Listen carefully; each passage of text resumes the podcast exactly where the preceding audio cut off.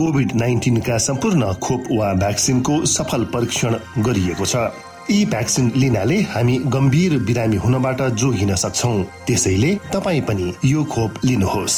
यदि तपाईँलाई पहिले नै कोभिड पोजिटिभ देखिसकिएको छ भने तपाईँ यो खोप चाँडै नै लिनुहोस्।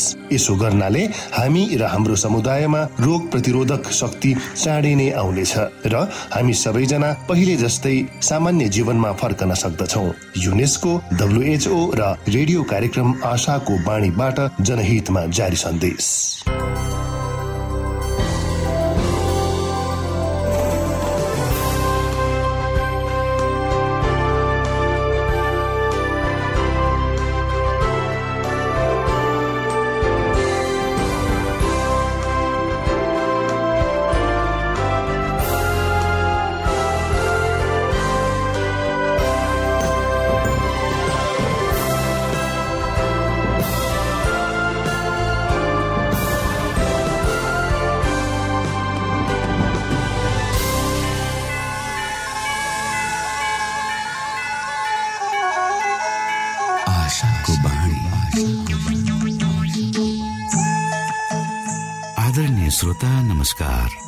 समय तपाईँ एडभेन्टिस्ट ओल्ड रेडियोको प्रस्तुति भोइस अफ होप आशाको बाणी कार्यक्रम सुन्दै हुनुहुन्छ।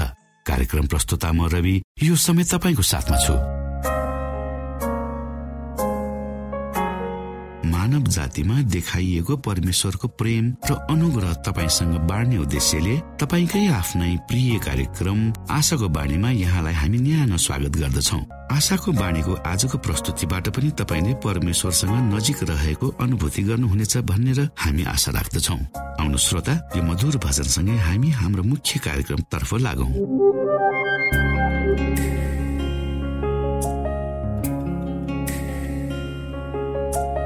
you.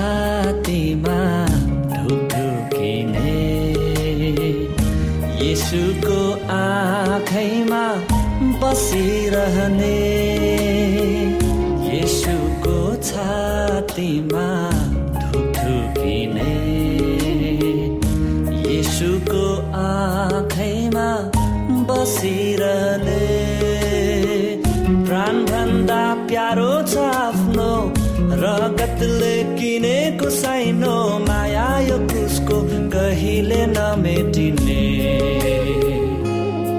हो प्राण भन्दा प्यारो छ आफ्नो रगतले किनेको साइनो माया यो कुसको कहिले नमेटिने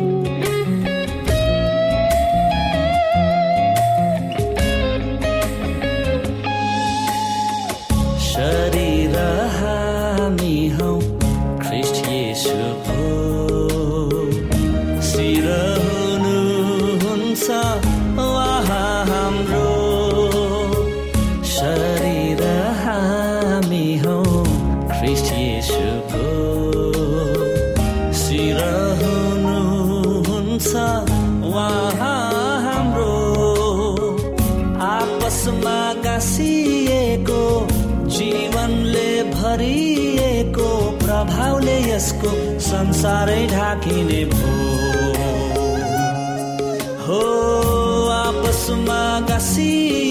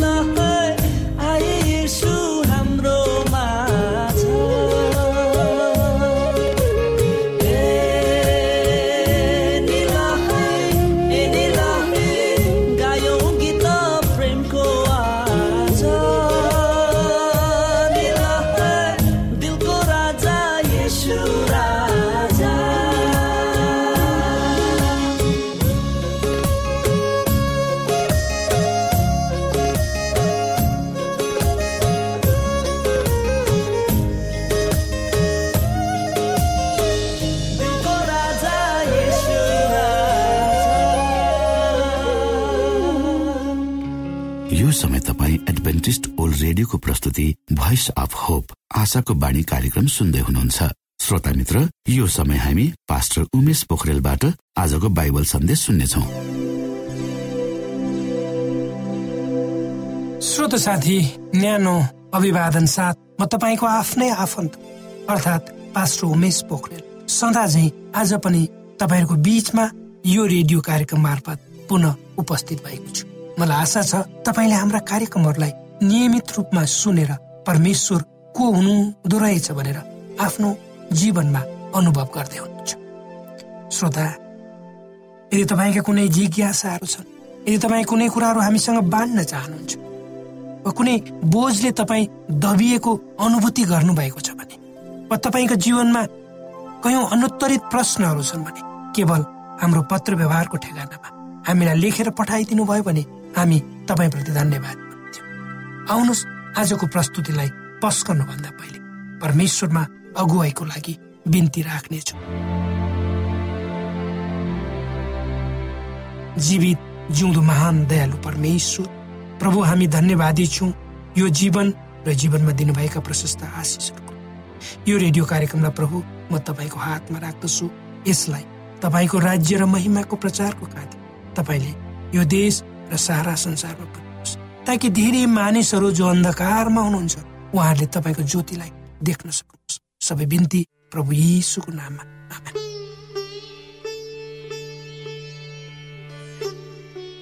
श्रोत साथी आज धेरै मानिसहरू जसलाई हामी विभिन्न क्षेत्रमा सफल व्यक्तित्वको रूपमा लिन्छौँ कतै न कतै उनीहरूले आफ्नो प्रगतिको भर्याङ बैमानी जालझेल र आफ्नै स्वार्थलाई बनाएको हामी देख्दछौँ। चाहे त्यो सानो वा ठुलो किन नहोस्। त्यो हामीमा पनि लागू हुन सक्छ। कयौँ व्यक्तिहरूले भनेको सुनिएको छ अहिले त म पूर्ण इमान्दार छु तर पहिले अलिअलि तलमाथि गरे होला भनेर म भन्न सक्दिनँ। भनेर आफ्नो इमान्दारी भएको कुरालाई प्रमाणित गर्न आफैले प्रयास गर्दछ विशेष गरी हाम्रो जस्तो समाजमा आज इमान्दारिता भन्ने कुरा हामीबाट टाढा हुँदै गएको भान हुन्छ। कसैलाई विश्वास गर्ने ठाउँ छैन मानिस आफ्नो स्वार्थको निम्ति जस्तो सुकै तल्लो स्तरमा पनि झर्न पछि पर्दैन। खास गरेर जुन हाम्रो है त्यसमा हामी आँखा लगाउँछौँ। आफ्नो भन्दा अरूको सबै कुरा कुम्ल्याउन चाहन्छौँ। धोका धोका घडी चोरी झुट फटाई त हाम्रा निम्ति सामान्य नै भइसकेका छन् र यी कुरा गर्दा हामीलाई कुनै फरक पर्दैन। जो मानिस जति बेसी जेल र पुलिसको खोरमा गएर निस्कन्छ। उसको इज्जत त्यति नै बढ्ने प्रवृत्तिले पनि प्रशय पाइरहेको हामी देख्छौँ हाम्रो समाजमा तपाईँ हामी कहीँ कुनै कुरा किन्न गयौँ र सामान किनिसकेपछि कसैले बेसी फिर्ता दियो भने हामी लाजै नमानी आफ्नो गोजीमा त्यो पैसा हाल्छौँ। यद्यपि कसै कसैले इमान्दारिकताको ठुलो उदाहरण पनि दिएको दिएको हामी सोच्छौँ। हामी जुन देशमा बस्छौँ त्यस देशको नियम कानुनप्रति हामी वफादार पर्छ। राज्यलाई तिर्नुपर्ने करहरू राजी खुसीले तिर्नुपर्छ। र एक नागरिकको रूपमा आफ्नो देशप्रतिको जिम्मेवारी प्रति सचेत भई आफ्नो कर्तव्यमा लाग्नुपर्छ। आजको हाम्रो आफ्नै परिवेशलाई हेर्ने भने कानुन मानिसहरूले स्वेच्छाले होइन बाध्यताले मात्र पालन गरेको देखिन्छ। देश हामी सबैको र यसलाई सबैले मिलेर बनाउनु पर्छ भन्ने भावनाद्वारा हामी अभिप्रेरित भएर अगाडि बढ्ने हो भने आज हाम्रो अवस्था यस्तो दयनीय नहुँदो र हाम्रो आफ्नै दाजुभाइ दिदीबहिनीले आफ्नो जवानीको पसिना पराईको देशमा नबगाउने जसले देशलाई समुन्नतिमा लाने थियो म अध्ययन गर्ने सिलसिलामा भारतको पुना भन्ने सहरमा पाँच वर्ष बिताएँ। अर्थात् मैले आफ्नो जीवनको उर्वरा समय भारतमा बिताएँ। हामी होस्टलमा बस्थ्यौँ। जुन मुख्य सहरदेखि अलि टाढा थियो। र कहिलेकाहीँ पुनाको मुख्य सहर जसलाई मेन स्ट्रिट भनिन्छ त्यहाँ बसमा जान्थ्यो। बस रोकिन साथ बस रोकिने स्थानमा मात्र रोकिन्थ्यो यात्रु उत्रने र चढ्ने गर्थे। पहिलोचोटि मैले एउटा बसमा एउटा ड्राइभर अर्को मानिस मात्र भएको देखेँ। ढोकामा खलासी पनि थिए। पैसा माग्न कोही आएन। म त अर्कै परिवेशमा हुर्किएको कतिपल्ट बस रोकिने ठाउँमा पैसा नदिएर झ्यालबाट निस्केर भागेको अनुभव बोकेको मानिस। त्यहाँ त सबै भाडा तिर्न हतार हतार भएको देख्दा म छक्क पाएँ पछि बुझ्दै जाँदा यदि तपाईँले भाडा तिर्नु भएन भने कसैले नमाग्दो तर जहाँ तपाईँ ओर्लनुहुन्छ त्यहाँ अचानक चेकमा पर्नुभयो भने पाँच दोब्बर जरिमाना र जेल पनि हुने कानुन रहेछ। अनि त को आफू त्यो दण्ड र फसादमा पर्ने सबै यात्रुहरूमा भाडा तिर्नुपर्छ भन्ने चेतना रहेछ। मलाई खुसी लाग्यो। त्यसै गरी म भर्खरै पुनामा पढ्न गएको नयाँ मानिस। एक शनिबार सेवकाई पछि पुना सहरको एक अस्पतालमा। जीवन र मरणको दोसादमा बाँचेका बिरामीहरू विशेष गरेर क्यान्सर पीडितहरूलाई भेट्न उनीहरूको निम्ति प्रार्थना गर्न भजन गाउन ट्रेन चढेर गयो र ओर्लनु पर्ने स्टेसनमा हामी ओर्ल्यौँ। र हामी ओर्लन साथ हाम्रो टिकट मागियो र सबैलाई स्टेसन मास्टरको कार्यालयमा लगिँदै थियो। तर म जसो तसो त्यहाँबाट भागेँ। अरू साथीहरूलाई जरिमाना तिराएर मात्र छोडिएछ। पछि थाहा पाउँदा हामीले जेनरल क्लासको टिकट काटेर प्रथम श्रेणीमा चढेछौँ। मलाई त के थाहा हाम्रो अगुवा मित्र हुनुहुन्थ्यो जो धेरै वर्षदेखि उतै बसेको अनुभवी मानिस उहाँलाई हामी पछ्याएका त्यसपछि मलाई थाहा भयो भारतमा पनि नियम कानुनलाई पालना गरिदो रहेछ र नगर्दा कानुनले आफ्नो काम गर्दो रहेछ जब कुनै पनि देश नियम कानुन नीतिमा चल्छ त्यसले अवश्य प्रगति गर्छ। युरोपलाई हेरौँ त्यहाँका मानिसहरू कति इमान्दार र कति परिश्रमी छन्। त्यो देख्दा मलाई आफू आफैलाई लाज लाग्यो। शैतानको कारणले गर्दा आज यो संसार पापै पापले भरिएको छ। जहाँ मानिसहरू आफ्नो स्वार्थ सिद्ध गर्न जे पनि गर्न तयार हुन्छ। हामीले बारम्बार सुन्ने गरेका छौँ पढ्ने गरेका छौँ कि पैसाको कारण एउटा साथीले अर्काको हत्या गरे। श्रीमतीले श्रीमानलाई धोका दिए। बाबु आमालाई छोराछोरीले धन सम्पत्तिकै कारण जिउँदा हुँदा हुँदै पनि मृत्यु दर्ता गराएर सबै चल असल सम्पत्ति आफ्नो नाउँमा पारेको र घरबाट निकाल्ने कसलाई विश्वास गर्ने? इमान्दारिता भन्ने कुरालाई कसरी प्रष्ट पार्ने? त्यसलाई आफ्नो व्यवहारद्वारा कसरी प्रकट गर्ने?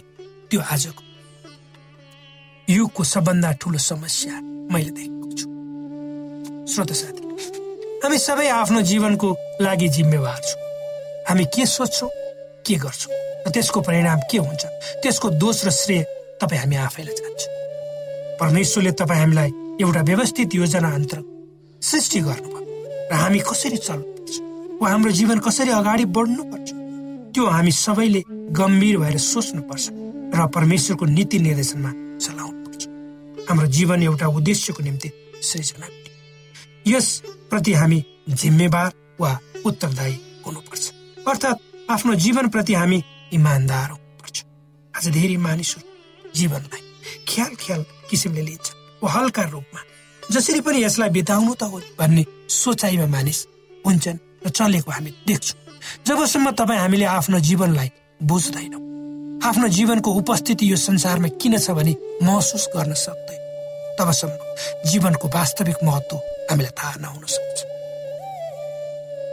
र एउटा जनावरको जियाई र हाम्रो जियाईमा कुनै फरक नहुन सक्छ।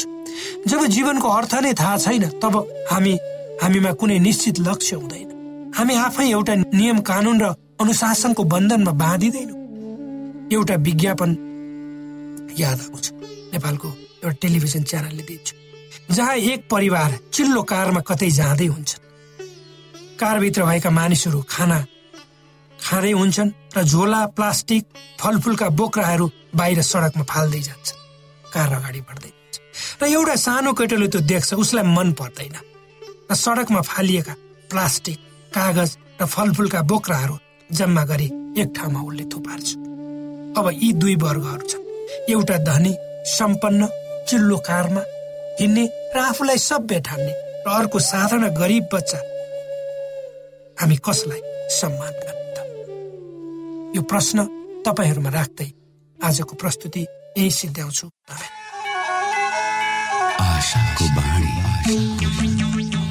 श्रोता भर्खरै यहाँले पास्टर उमेश पोखरेलबाट बाइबल वचन सुन्नुभयो। यो समय तपाईँ एडभेन्टिस्ट ओल्ड रेडियोको प्रस्तुति भोइस अफ होप आशाको बाणी कार्यक्रम सुन्दै हुनुहुन्छ। कार्यक्रम सुनेर बस्नुहुने सबै श्रोतालाई हामी हाम्रो कार्यक्रममा स्वागत गर्न चाहन्छौ। श्रोता मित्र यदि तपाईँ जीवनदेखि हरेस खानु भएको छ तपाईँका जीवनमा धेरै अनुत्तरित प्रश्नहरू छन् भने आउनुहोस् हामी तपाईँलाई परमेश्वरको ज्योतिमा डोहोर्याउन चाहन्छौँ। तपाईँ आफ्नो जीवनका चिन्ता फिक्रीबाट निश्चिन्त हुनुहोस् र बाँच्नुको आनन्द परमेश्वरको सामिप्यमा कति मिठो हुन्छ त्यो चाख्नुहोस् भनी हामी चाहन्छौँ। श्रोता यदि तपाईँ आशाको बाणी कार्यक्रमलाई अनलाइन सुन्न चाहनुहुन्छ वा डाउनलोड गर्न चाहनुहुन्छ भने ओआरजीमा जानुहोस्। त्यहाँ तपाईँले प्रत्येक दिनको कार्यक्रम सुन्न र डाउनलोड गर्न सक्नुहुनेछ। हाम्रो वेब पेज यस प्रकार छ W dot AWR dot ORG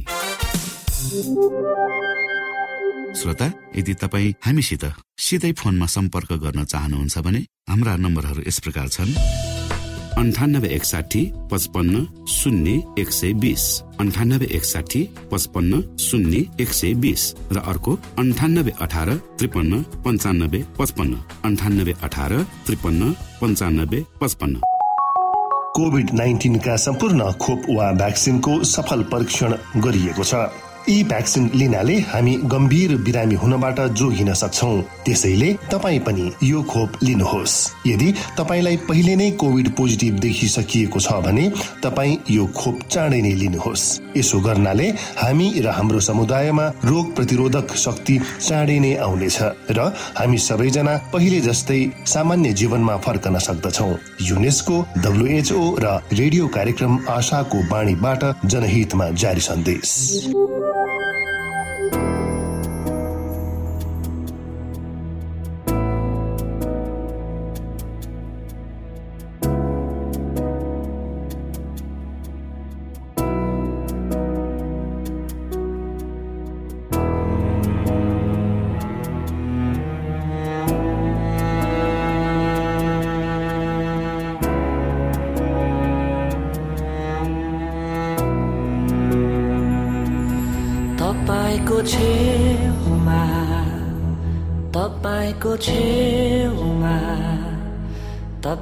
तपाईँको नजिक अङ्गालो भित्र राख्नुहोस् मलाई।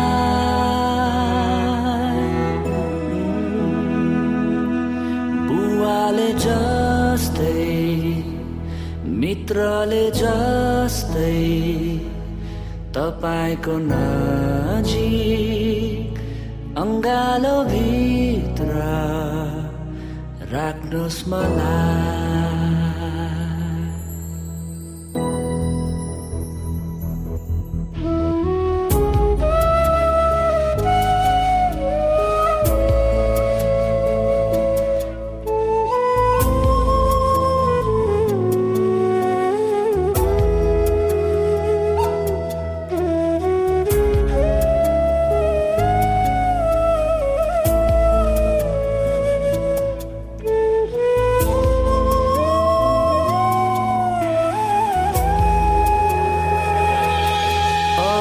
the things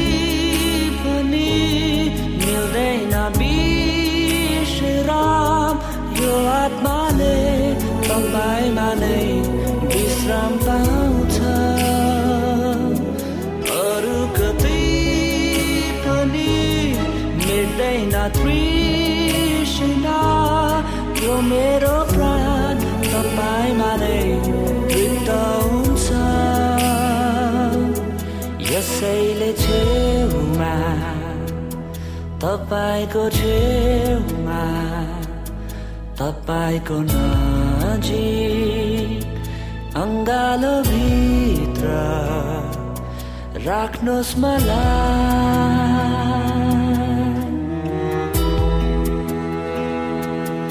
बुवाले जस्तै मित्रले जस्तै तपाईँको नजिक अङ्गालो भित्र राख्नुहोस् मलाई।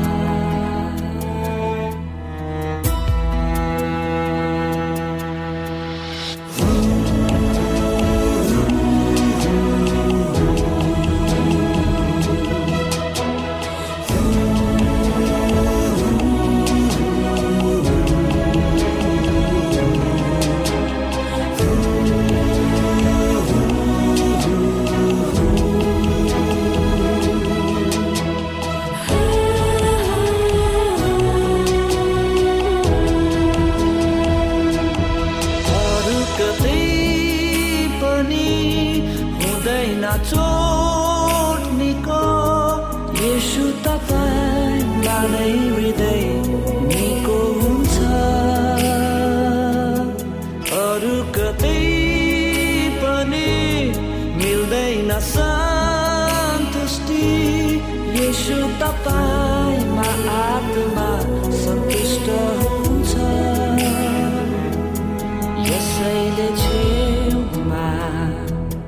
तपाईँको छेउमा तपाईँको नजिक अङ्गालो भित्र राख्नुहोस् मलाई।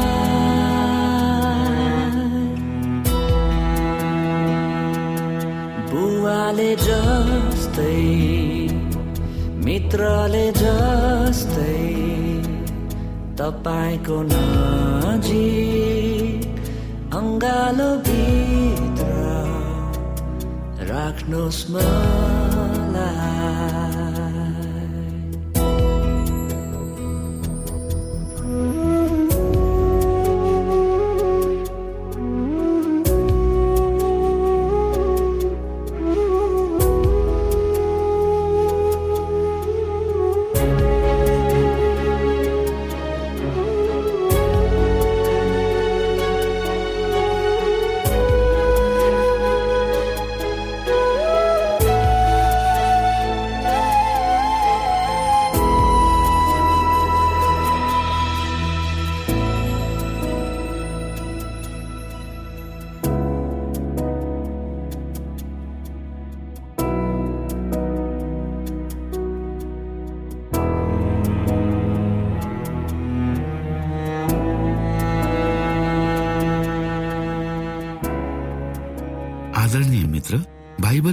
छ परमेश्वरले तीर्खाकाहरूलाई तृप्त पार्नुहुन्छ र भोकालाई उत्तम पदार्थले सन्तुष्ट पार्नुहुन्छ। हामीलाई दिइएको यो छोटो समय आशाको बाणीको प्रस्तुतिको समयमा हामीले हाम्रा श्रोताको आत्मिक भोकलाई केही मात्रामा भए तापनि सही प्रकारको खोराक पस्केर आत्मिक सन्तुष्टि दिन सकेका छौँ केही ऊर्जा थप्न सकेका छौँ भनेर हामीले आशा राखेका छौँ। आफ्ना मनमा भएका केही दुविधा र शङ्काहरू छन् भने अवश्य हामीसँग बाँडेर शङ्काको निवारण गर्नुहुनेछ र सही प्रकारको बाटो पहिल्याउन सक्नुहुनेछ परमेश्वरको सच्चाइले अझ राम्रो बुझ्न सक्नुहुनेछ र आफ्नो जीवनलाई परमेश्वरमा पूर्ण समर्पित भएर समर्पण सहितको जीवन बिताउन सक्नुहुनेछ भनेर आशा राख्दै अब हामी हाम्रो कार्यक्रम सकिएको जानकारी यहाँलाई गराउन चाहन्छौ। जानुभन्दा अगाडि श्रोता हामी यहाँलाई हाम्रो ठेगानाको विषयमा जानकारी गरौं। हामीसँग पत्राचार गर्ने हाम्रो ठेगाना यस प्रकार छ। आशाको बाणी पोस्ट बक्स नम्बर दुई शून्य शून्य शून्य दुई काठमाडौँ नेपाल। आशाको बाणी पोस्ट बक्स नम्बर दुई शून्य शून्य शून्य दुई काठमाडौँ नेपाल। यसै गरी श्रोता यदि तपाईँ हामीसँग सिधै कुराकानी गर्न चाहनुहुन्छ भने हाम्रो फोन नम्बर यस प्रकार छ अन्ठानब्बे एकसाठी पचपन्न शून्य एक सय बिस र अर्को अन्ठानब्बे अठार त्रिपन्न पञ्चानब्बे पचपन्न। यदि तपाईँ हामीलाई अनलाइन सुन्न चाहनुहुन्छ वा डाउनलोड गर्न चाहनुहुन्छ भने तपाईँ W W W dot AWR dot ओआरजीमा जानुहोस् र त्यहाँ तपाईँले हाम्रा सबै कार्यक्रमहरू सुन्न सक्नुहुनेछ। हाम्रो वेब पेज यस प्रकार छ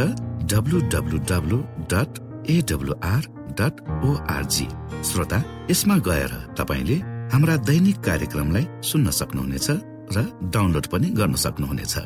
हवस् त श्रोता हाम्रो कार्यक्रम सुनिदिनु भएकोमा एकचोटि फेरि यहाँलाई धन्यवाद दिँदै भोलि फेरि यही स्टेशन यही समयमा यहाँसँग भेट्ने आशा राख्दै प्राविधिक साथी राजेश पास्टर उमेश पोखरेल र कार्यक्रम प्रस्तुता म रवि यहाँसँग विदा माग्दछौ। परमेश्वरले तपाईँलाई धेरै धेरै आशिष दिनु भएको होस्। नमस्कार।